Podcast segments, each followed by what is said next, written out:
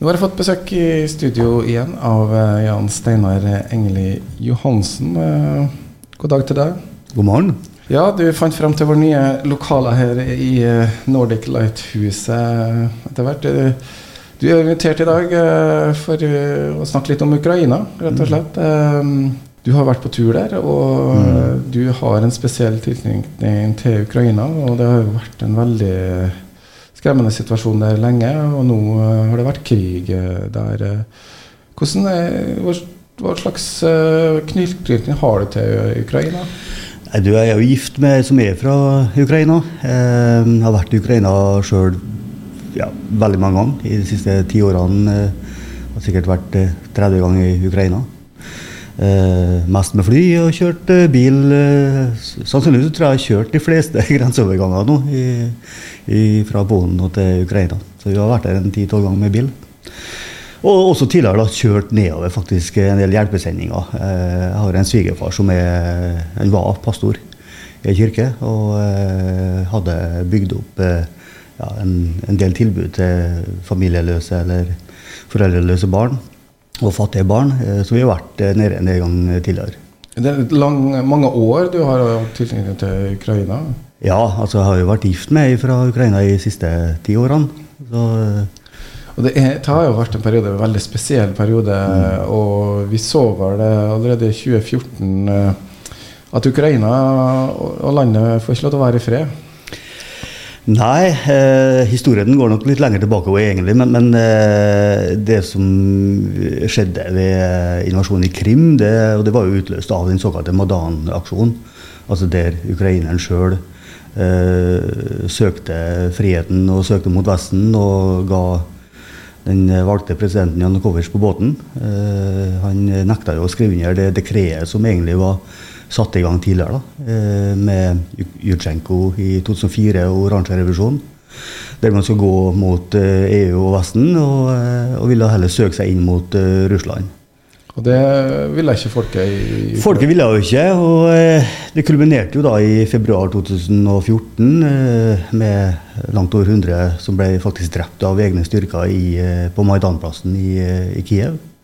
Eh, Men folket ga jo ikke opp, og de sa jo rett ut vi er villige til å gi vårt liv for å skape frihet og, og en fremtid for eh, oss sjøl og, og landet. Og da var svaret fra Russland, da, som eh, er ikke veldig fornøyd med at Ukraina har eh, rettet seg mot Vesten. Ja, det gikk jo først på Krim, da. Eh, med sånn røverhistorie om at det var noe som egentlig ikke tilhørte Ukraina. Og så utvikla det seg litt med, med å kjøre inn en del russere i det vi kaller Donbass-området, altså Donetsk og, og Luhansk. Um, der man påstår at det var separatister, og det var det jo òg en del av. Uh, men uh, godt hjulpet av russiske styrker. Så man så jo allerede den gangen, og det tar jo ganske mange år siden, at uh, fra russisk side så starta man egentlig ei styrkeoppbygging der man tenkte litt eh, frem i tid.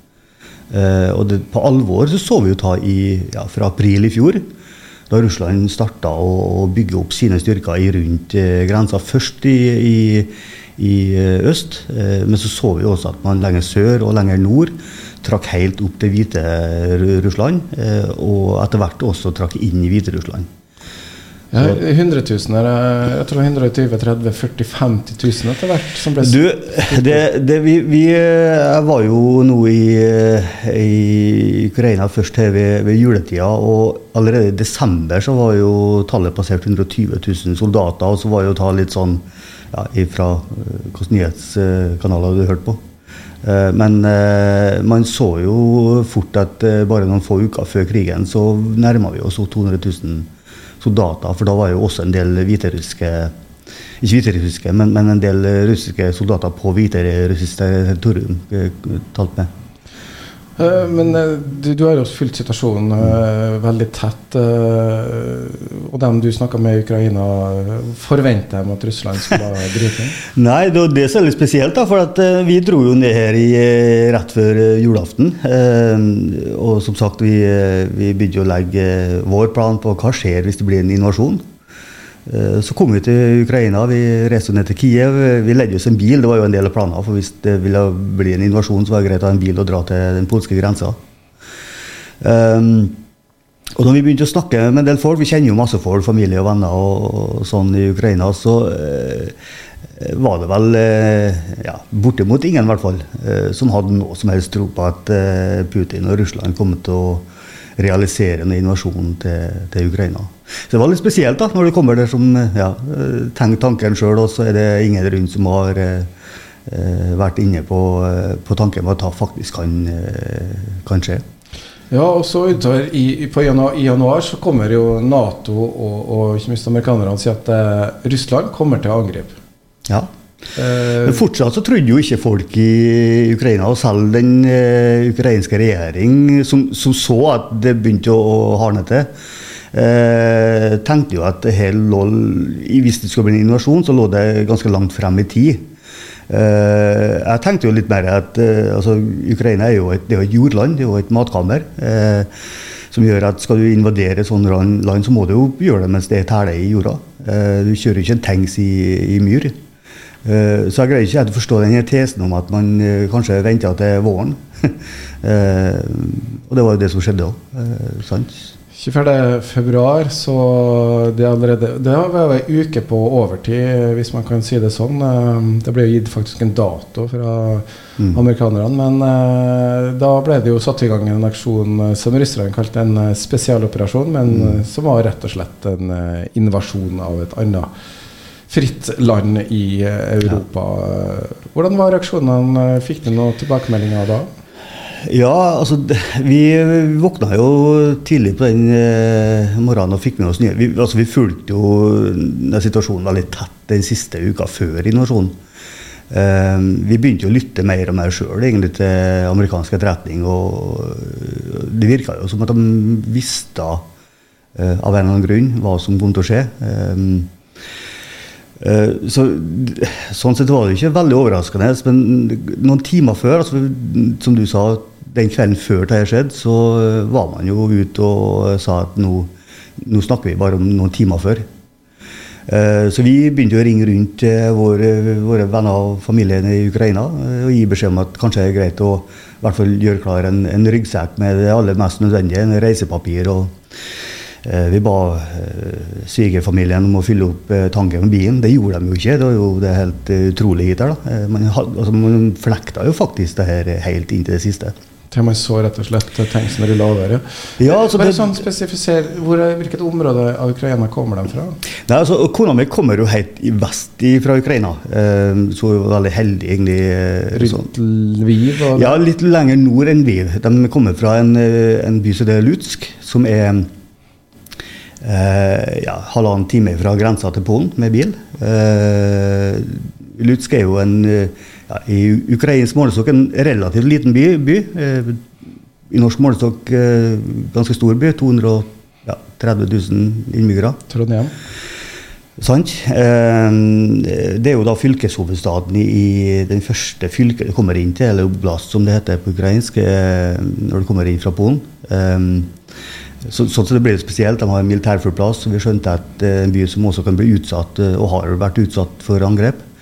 Eh, og ligger også en liten time fra Rivne, som har en av de største atomkjernekraftverkene i, i Ukraina. Så vi skjønte jo at her kan det være et område som både ligger langt mot vest og blir på en måte en trussel mot eh, Vesten, og samtidig er et risikoområde i, eh, i, Ukraina, eller i vestområdet uh, Ukraina. Men de ville altså ikke fylle på tanken engang? Nei, vi fikk nå etter hvert tak i, i mora til, til kona. Eh, som da fortalte at eh, de har jo forstått, for de har jo våkna av eh, da, da, Det første natta så var jo masse flyangrep, også mot den byen kona kommer fra. Så da hadde jo faren dratt ut for å fylle tanken. Og vi fikk jo ikke tak i han. og Vi forsto etterpå at han hadde stått seks timer i kø. Så han var jo ikke alene om ikke å fylle tanken på forhånd. Så, så mora til kona mi hun fikk jo litt tid til å pakke, og det var jo det hun gjorde. Uh, så vi ba ham til å egentlig nå, nå kjører du ut, og så får det se an situasjonen. Uh, så det gikk jo noen timer, for det, han var jo, det gikk jo seks timer før han var tilbake. da. Men de øh, valgte å, å, flykte? De valgte å dra. Eh, mine svigerforeldre er jo ja, dårlig til helse. De har 70 år.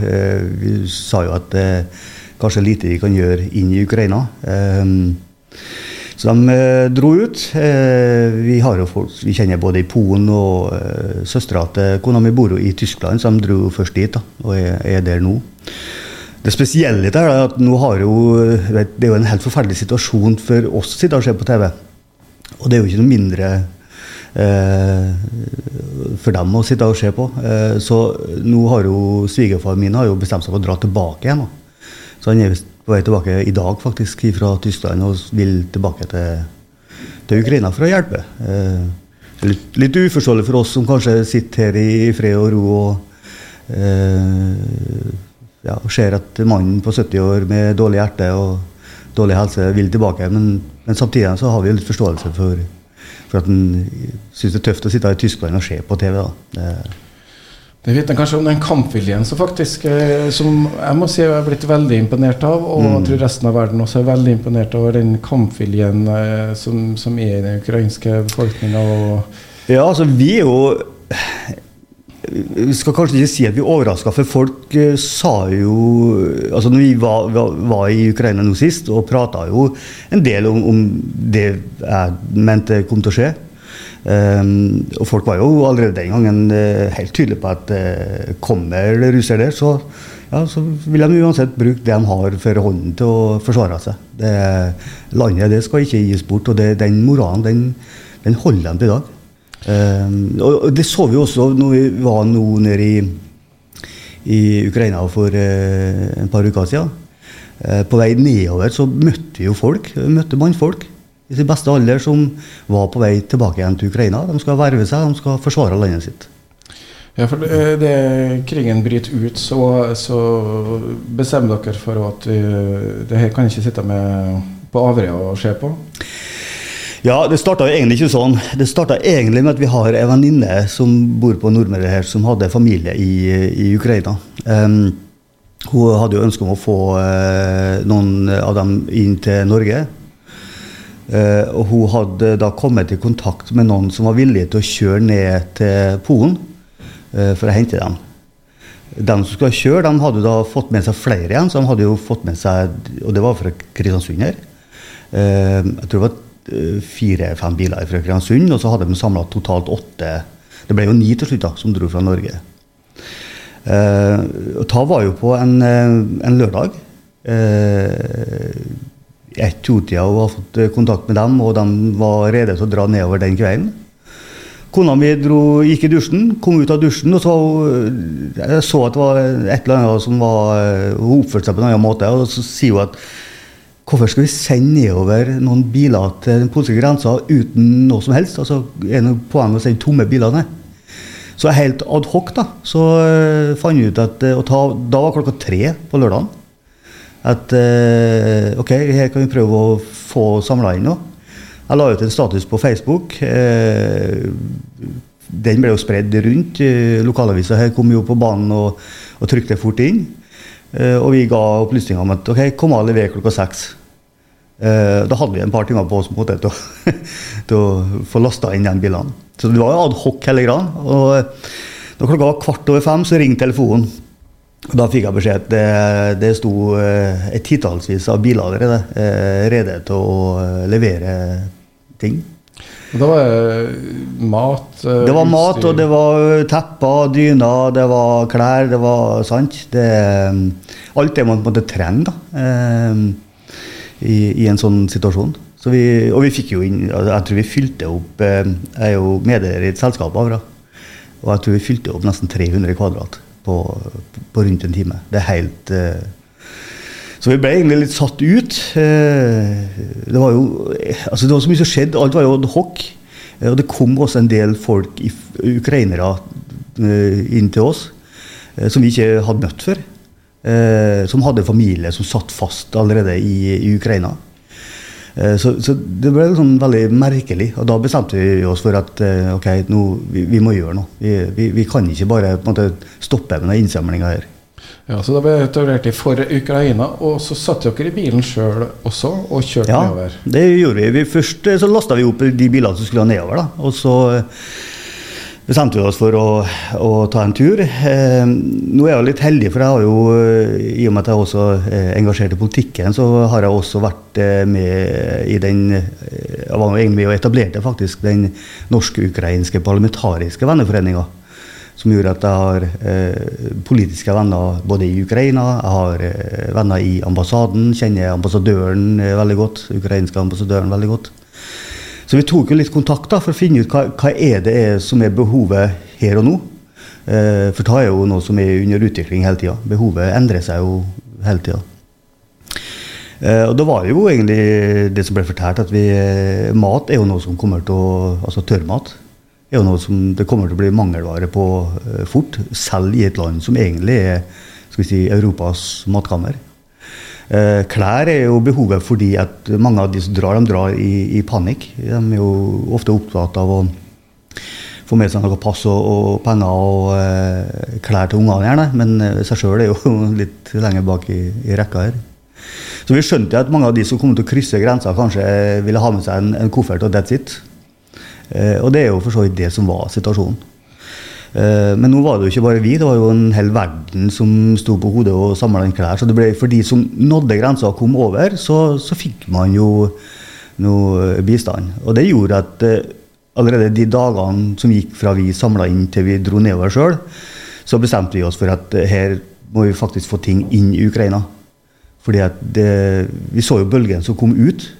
Da skjønte vi at eh, den bølgen som er i Ukraina, den er nok eh, langt større. Og behovet er nok langt større i Ukraina. Eh, og det er også statusen per i dag. Du hører på Nordmørsfrokost her på KSU247. Nå har jeg besøk i studio av Jan Steinar Engeli Johansen, som har fortalt om for Ukraina, og ikke minst opptrinnet til krigen, og ikke minst også da den aksjonen som foregikk her på Nordmøre for å få sendt utstyr og nødhjelp eh, nedover. Um, Jan Steinar og kona satte seg også i bilen og ville ikke bare dra til polskegrensa, men ville gjerne dra inn i Ukraina.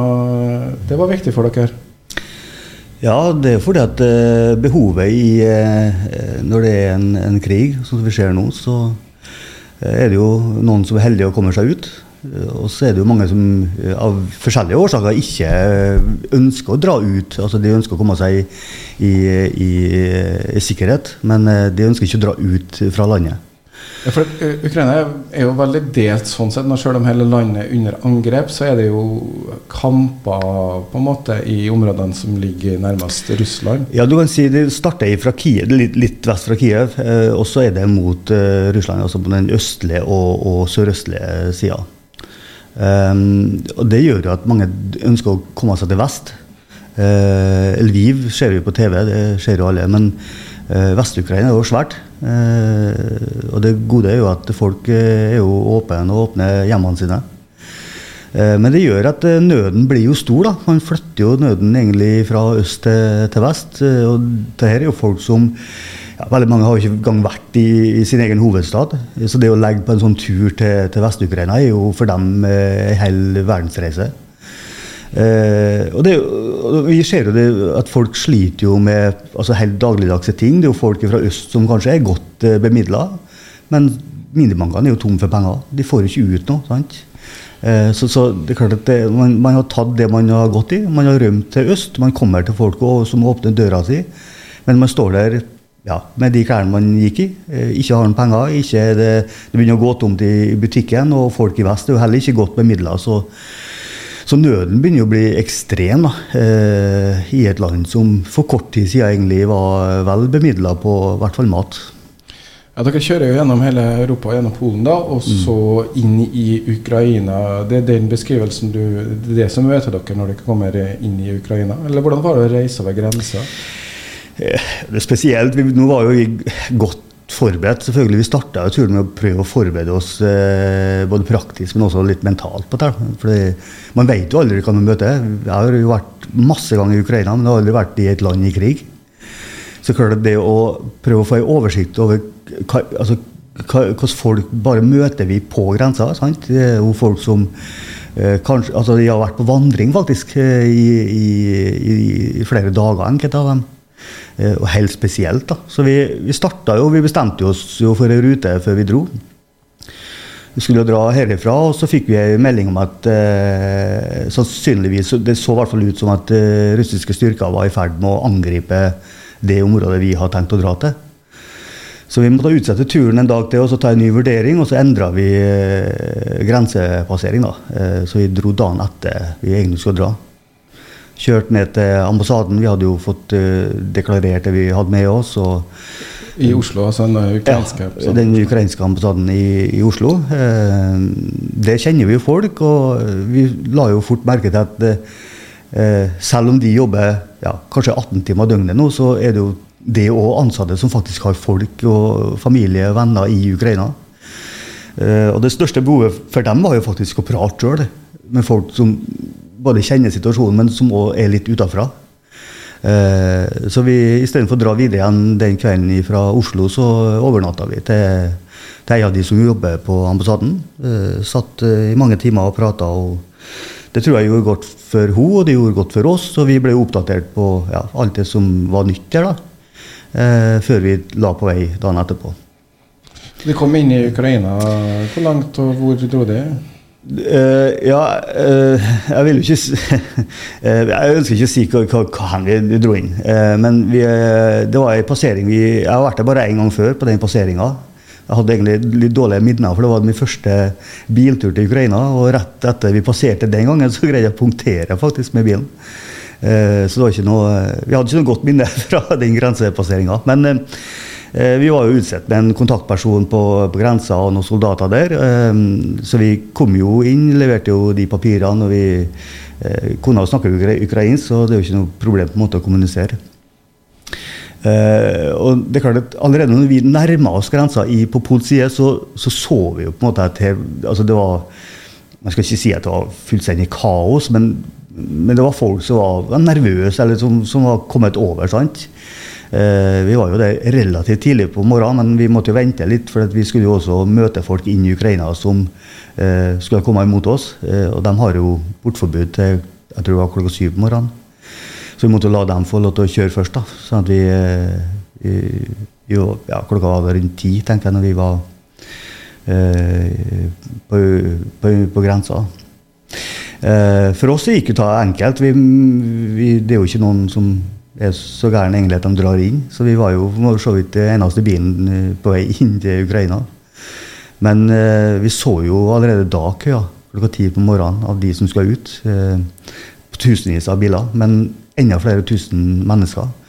Eh, og Ta er jo ikke en av de grenseovergangene som er stor og har veldig høy kapasitet. Det er ikke en av de som ligger helt nede i Lviv eller sånn. Så så vi, vi, vi var litt overraska over at det var så stort trøkk da, på en, eh, på en så liten plass, egentlig. Eh, og Det som møtte oss, var jo, ja, det var jo stort sett synet du ser på TV-en. Eh, eldre folk, eh, det var mødre, det var barn. Noen hadde med seg kjæledyr, eh, noen hadde med seg en bamse, og that's it. Eh, og det var jo relativt tidlig. Snakk om noe en par uker etter krigen starta i Ukraina. Så vi var litt overraska at folk egentlig hadde så lite med seg. Eh, så vi, vi snakka med en del av både flyktningene og en del av soldatene på grensa og, og lurte på hva som gjør at de har så lite med seg, når man tross alt var blant de første som dro. Uh, og da viste seg at uh, man begynte å gå tom for diesel i Ukraina, som gjorde at mange hadde jo bare parkert bilen kanskje ja, 50-60 km før grensa. Da var bilen gått tom. Eh, så det var jo fullstendig kaos også der. Eh, og så hadde de traska til fots da med, med, barn fra 0 til 10 år. Det, så det er kun håndbagasjen du får med nesten? da?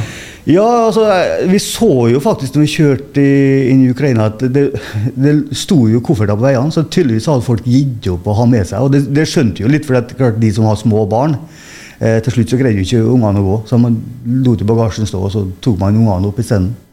Så helt spesielt. Det, og, og, som du sier, da, eldre barn og, og kvinner. For det, det, er jo ikke sånn at du får slippe ut hvis du er mann i disse krigsalder? da?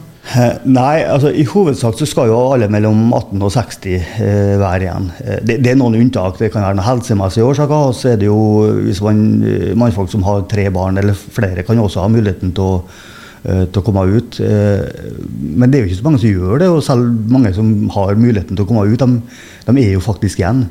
Så må jeg også si at selv om det er mange som kommer hit, så er jo altså brorparten er jo igjen i Ukraina og prøver å gjøre ting på forskjellige måter. Eh, noen prøver å få hverdagen til å gå rundt, eh, noen prøver å få hverdagen til andre til å gå rundt. Eh, og den moralen som er i Ukraina, det er jo bare helt enestående. De kom dere inn i Ukraina også, mm. og får overlevert det dere har med dere. Hvordan er mottakelsen? Hva sier folk? Ja, Det var spesielt. du vet at bare det å møte altså den takknemligheten av folk som på en måte de, altså Vi blir jo rørt av hele situasjonen. Men de blir jo rørt av at noen faktisk setter seg i en bil og kjører sjøl så mange tusen kilometer for å komme inn eh, i et land i krig.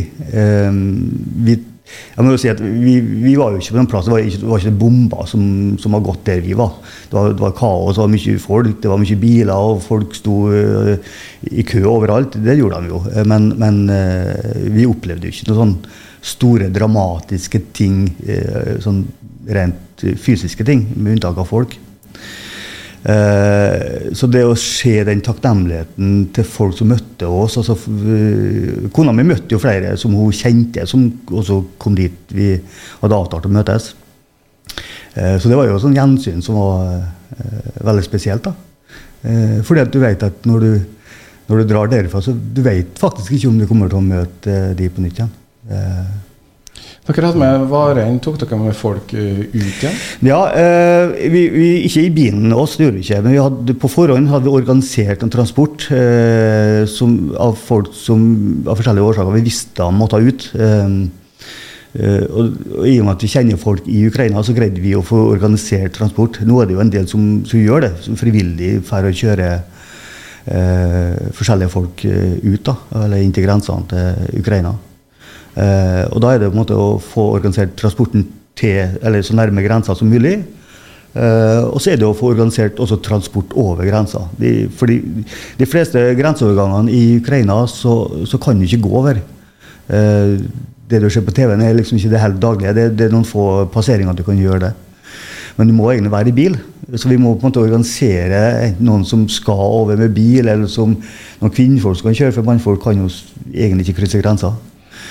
Eh, så vi må på en måte organisere det. og eh, Nå er jo satt opp en del busser som på en måte skysser folk eh, på grensa, altså over, over grensa.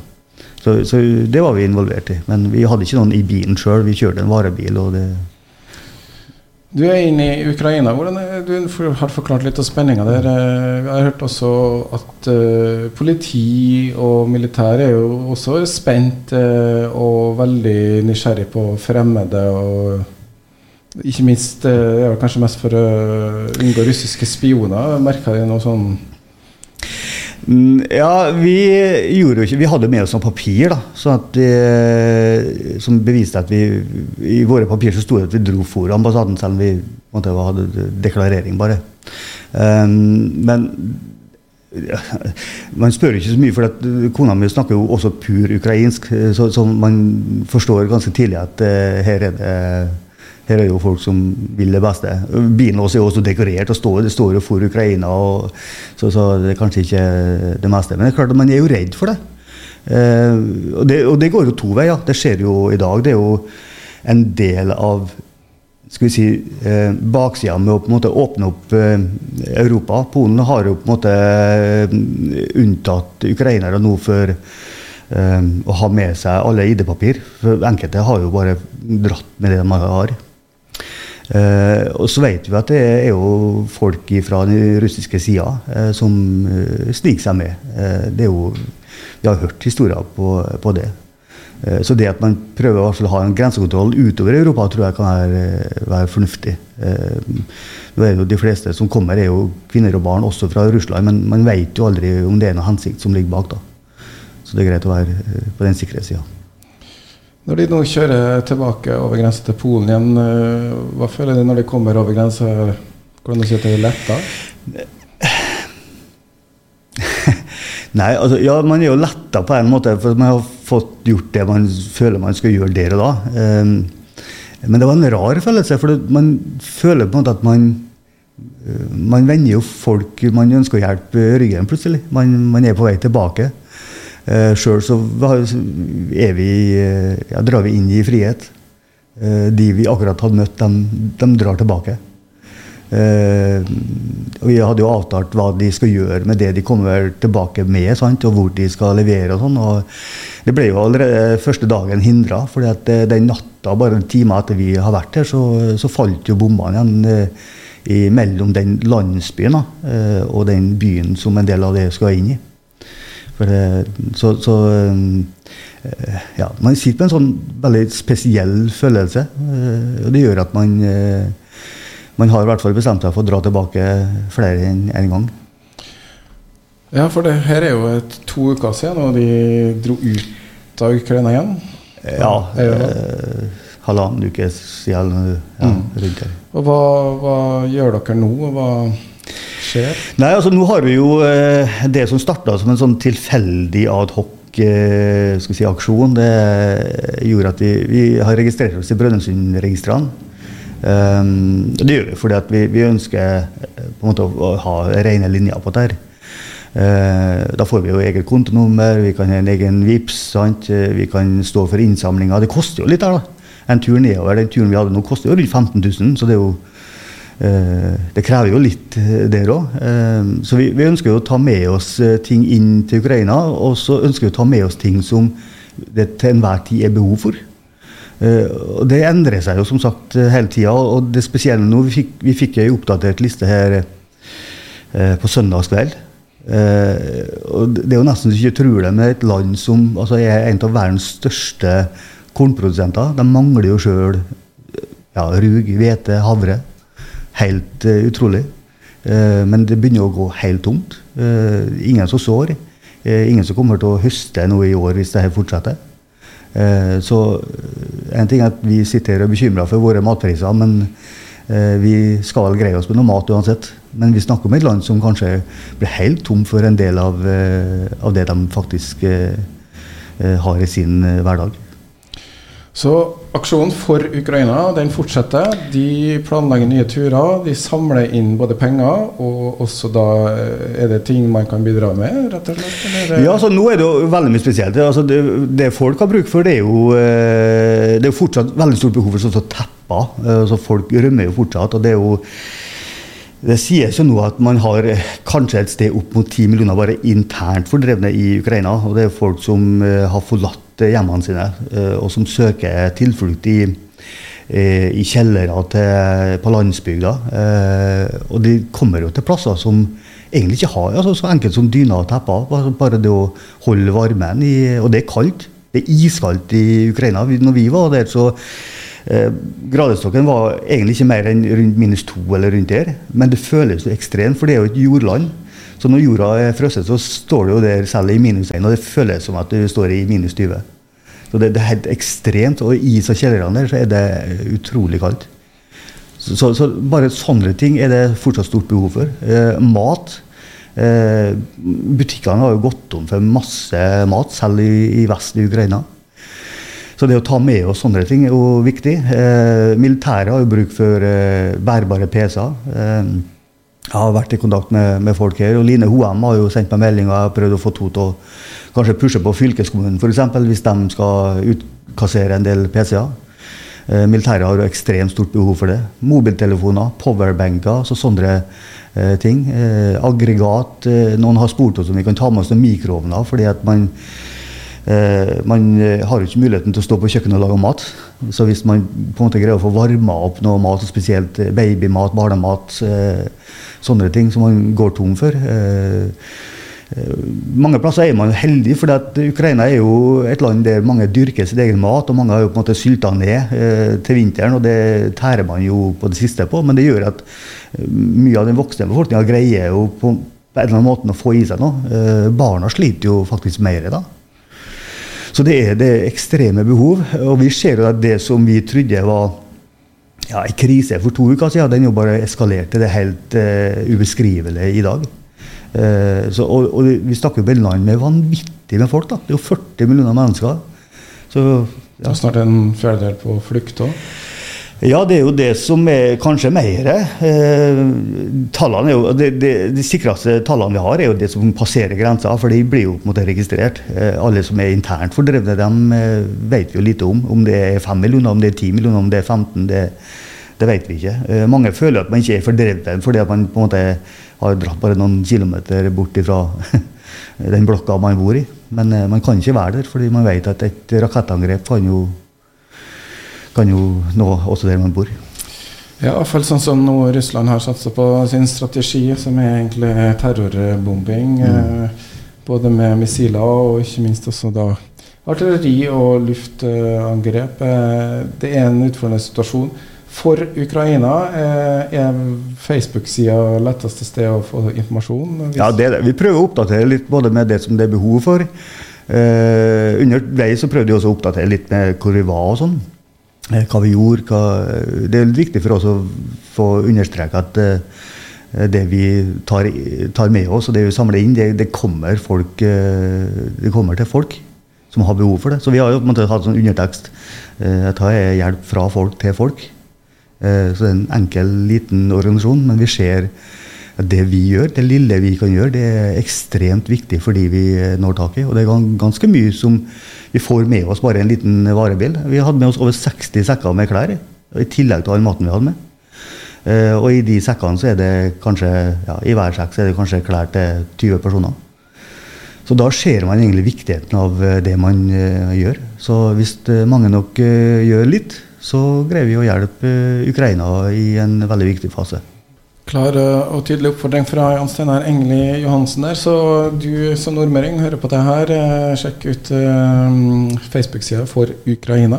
Så kan du se hva de faktisk har behov for, og bidra på den måten også. Så får vi håpe at det kanskje får noen litt mer positive nyheter enn det har vært det, siste. Men det er, situasjonen er fortsatt helt uavklart. Situasjonen er jo helt uh, uavklart. Uh, det er jo ingen som vet hva som skjer. Vi har i, fra dag én hørt om fredssamtaler. min frykt er kanskje at det er bare en uttalingstaktikk. og så er det jo slik at den dagen det blir fred, den dagen kommer jo. Eh, men den dagen det blir fred, så er det jo kanskje da vi, vi legger merke til den virkelig humanitære katastrofen som er i Ukraina. Så behovet slutter ikke om krigen skal forhåpentligvis slutte snart. Eh, behovet vil bestå. Og det er jo det som gjør at vi organiserte dette. Vi vet at dette er, noe vi må gjøre også en tid etter at eh, det er blitt fred. Selv om det blir mye enklere hjelp, selvfølgelig. Ingen grunn til å, å la givergleden eh, dempes av at det er gått tid. Så sjekk ut for Ukraina og Jan Steinar Engeli Johansen. Så skal vi her på radioen også formidle de tiltakene og aksjonene som foregår. Vi kommer litt over tida her på morgensendinga. Jeg skulle hatt uh, Tore Løvik, som står i spissen for en uh, annen innsamlingsaksjon. Uh, han skal jeg ta kontakt med nå. Og så skal vi høre hvordan det gikk med da, støttekonsert og en kronerullinga som da Kristiansund Atletklubb med da Tore Løvik i spissen har stått bak.